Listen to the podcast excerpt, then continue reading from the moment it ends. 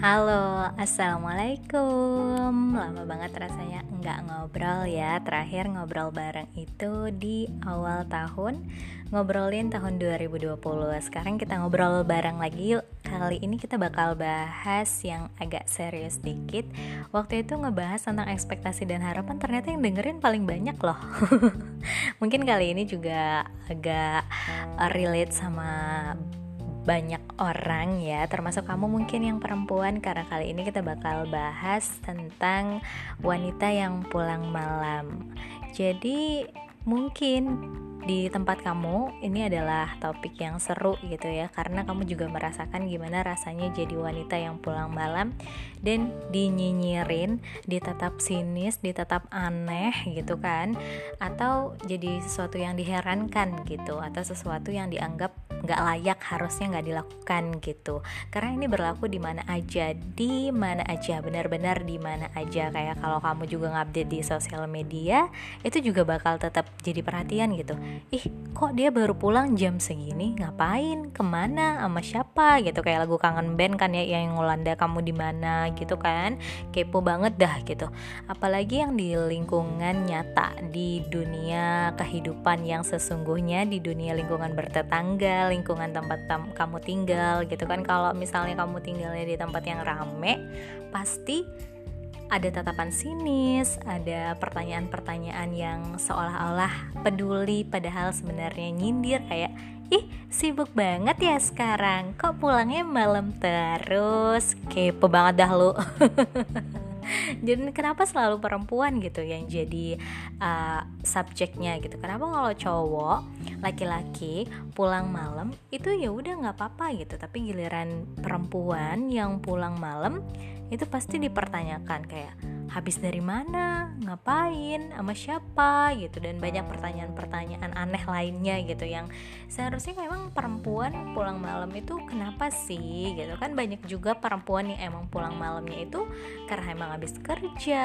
habis melakukan sesuatu hal yang positif dan selain lainnya lagi gitu ya yang hal-hal yang positif. Nggak melulu kok perempuan yang pulang malam itu adalah hal yang negatif gitu mungkin lebih banyak juga yang pulangnya karena hal-hal yang positif gitu atau sebagian besar gitu kan. Dan kalau misalnya di aku itu pulang malam itu kalau batasannya lebih dari jam 10 gitu. Nah kalau udah pulang lewat jam 10 kayak jam 11 gitu lewat depan gang gitu kan atau depan uh, rumah yang masih ada orang-orangnya duduk-duduk gitu kayak diliatin diliatin gitu literally diliatin gitu. Ya emang kenapa orang baru kelar kerja jam segini gitu kan? Jadi kalau di tempat kamu mungkin jam 10 masih oke okay lah mungkin jam 11 kali ya kalau di tempat kamu. Atau ada juga mungkin yang udah jam 8 udah kosong gitu lingkungannya ya.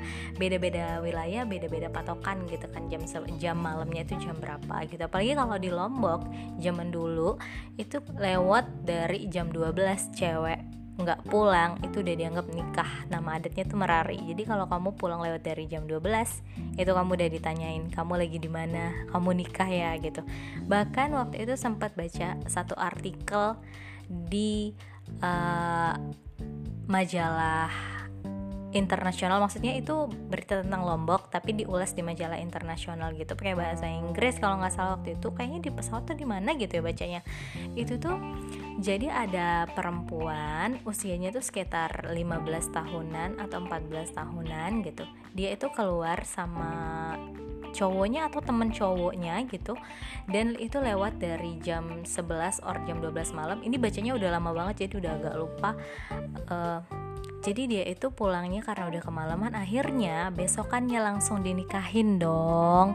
Nah padahal dia itu punya cita-cita banget buat uh, sekolah yang lebih tinggi lagi, buat kerja, ngejar impian-impiannya. Tapi ya akhirnya terputus karena dia harus dinikahkan karena lewat dari jam 12 malam pulangnya gitu. Ya emang kenapa sih? Ya mungkin ya beda-beda adat sih yang nggak bisa dipatok juga kalau itu adalah sesuatu hal yang salah gitu. Mungkin maksudnya baik kayak perempuan tuh harusnya di rumah pulang jam 10 aja gitu. Tapi untuk uh, eh, kita kita yang bekerja gitu dan pekerjaannya baru selesai di atas jam 10 malam. Ya mau gimana lagi? Itu kan tuntutan gitu. Dan cerita pengalaman sedikit ya. Jadi kenapa bisa ngerasain gitu kalau wanita yang pulang malam itu suka di anggap dalam tanda petik itu sesuatu gitu.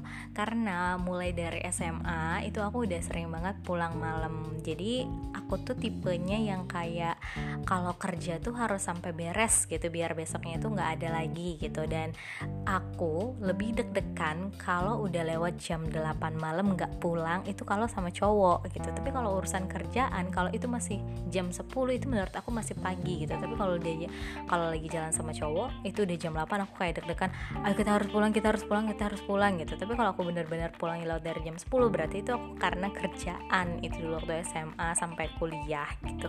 Kayak gitu. Jadi waktu SMA itu aku join beberapa organisasi teater terus uh, waktu itu sempat ikut kepanitiaan juga Semansa Basketball League.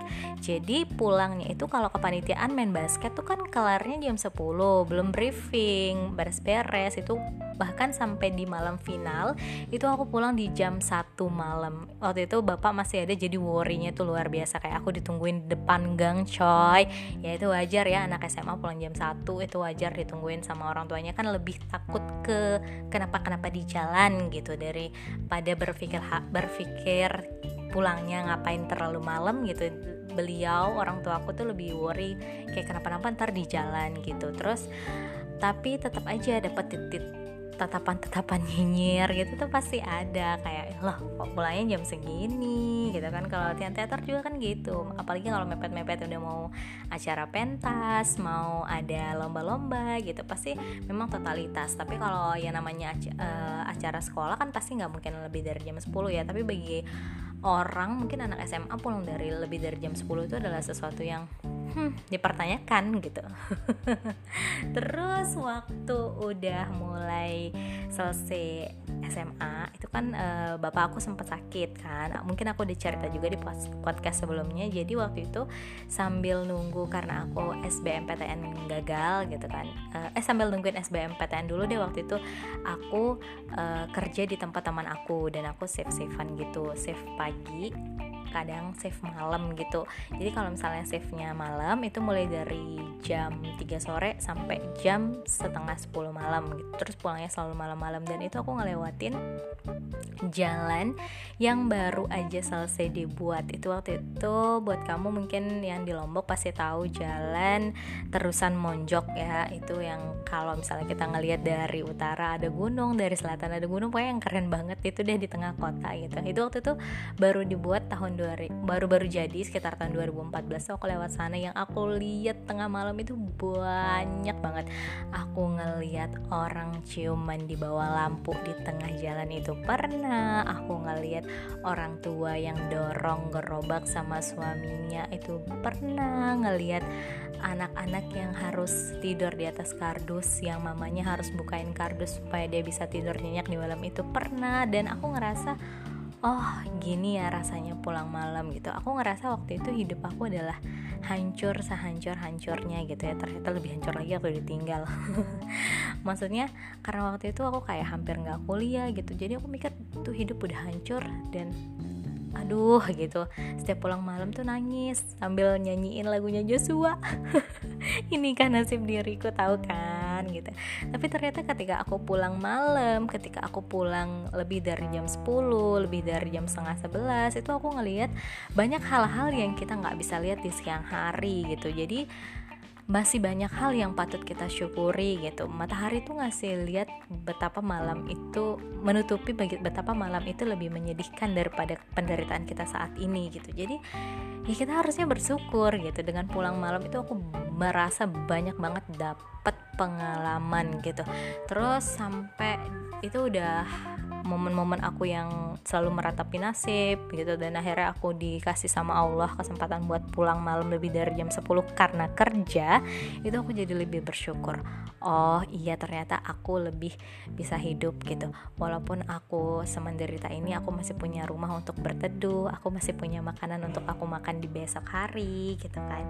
Jadi ya setidaknya aku bersyukur gitu. Dan kemudian di waktu udah kuliah, waktu aku mulai ikutan beberapa pekerjaan. Kalau siaran kan ibuku selalu misalnya kalau udah jam 10 ya udah pulang gitu. Aku juga jarang ngobrol kalau udah lewat jam 10 gitu karena jalanan udah agak sepi kan jadi langsung aja gitu. Tapi untuk kerjaan aku yang di uh, tim kreatif media kampanyenya salah satu paslon itu aku kan kumpulnya di base camp gitu kayak ada di rumah gitu. Kalau misalnya konsep acara belum kelar gitu ibu aku kan suka nelpon gitu jam 10 uh, pulang nggak? Ibu aku tuh lebih worrynya itu aku kenapa-napa di jalan. Jadi kalau misalnya jam 10 dia itu pasti udah nanyain kamu mau pulang atau enggak gitu. Bukan nanya lagi di mana lagi apa itu. Ibu aku tuh benar-benar percaya banget. Tapi justru karena dia percaya aku jadinya harus ngekip banget kepercayaan dia gitu. Jadi kalau misalnya udah lewat dari jam 10 aku telepon aku nginep deh di sini gitu. Dan aku pulang jam 4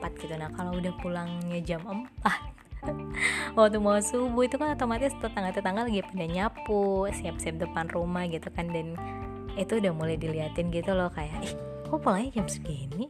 Perasaan kemarin keluarnya sore deh. Emang kalau misalnya pulang jam segini berarti keluarnya kapan ya? Gitu kan pasti ada pertanyaan-pertanyaan kayak gitu dan ada tatapan-tatapan yang penuh pertanyaan kayak gitu gitu loh. Tapi aku mulai dari situ mulai dari ibuku yang bodoh amat yang cuek itu aku juga jadi kayak ya udah emang kenapa orang aku pulangnya karena emang kerja kok bukan yang gimana gimana gitu. Jadi dari situ aku udah bodoh amat gitu kan hidup bodoh hidup gue gitu. Kalau misalnya ngikutin lu pada ngedengerin omongan lu pada ya gue kapan berkembangnya gitu kan. Nah terus um, akhirnya mulai dari situ ya udah. Memang kita berhak kok untuk pulang jam berapa aja kita mau as long as itu memang benar-benar untuk sesuatu hal yang positif gitu bukan hal-hal yang negatif. Omongan orang ya udah terserah aja gitu. Toh aku juga pulang malam itu punya sesuatu yang aku dapetin gitu kayak rasa bersyukur kayak uh, hasil untuk menghidupi diriku sendiri gitu. Sampai momen waktu itu 2014 ketika aku cerita yang tadi ya yang aku kerja shift malam itu aku sampai bikin satu puisi.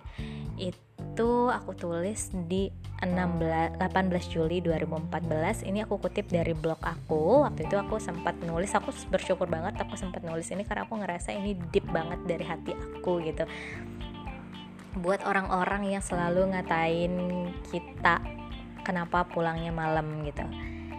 Jadi ini mungkin bisa juga buat kamu ya.